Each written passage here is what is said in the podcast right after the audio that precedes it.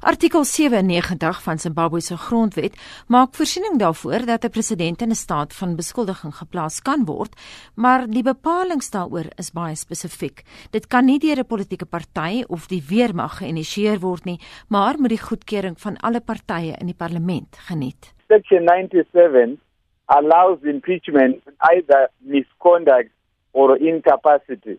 So either you allege that the president did something wrong contrary to the constitution that is allowed by section 97. Die artikel bepaal dan ook dat 'n president in 'n staat van beskuldiging geplaas kan word as hy nie by sy volle verstand is nie of as hy die grondwet oortree, maar hier speel die parlement die deurslaggewende rol. To raise the charges against the president, half the members of parliament that is the combined National Assembly and the Senate, half of the total membership, not just members president vote, must agree that the issues be raised and that the removal of the president be investigated.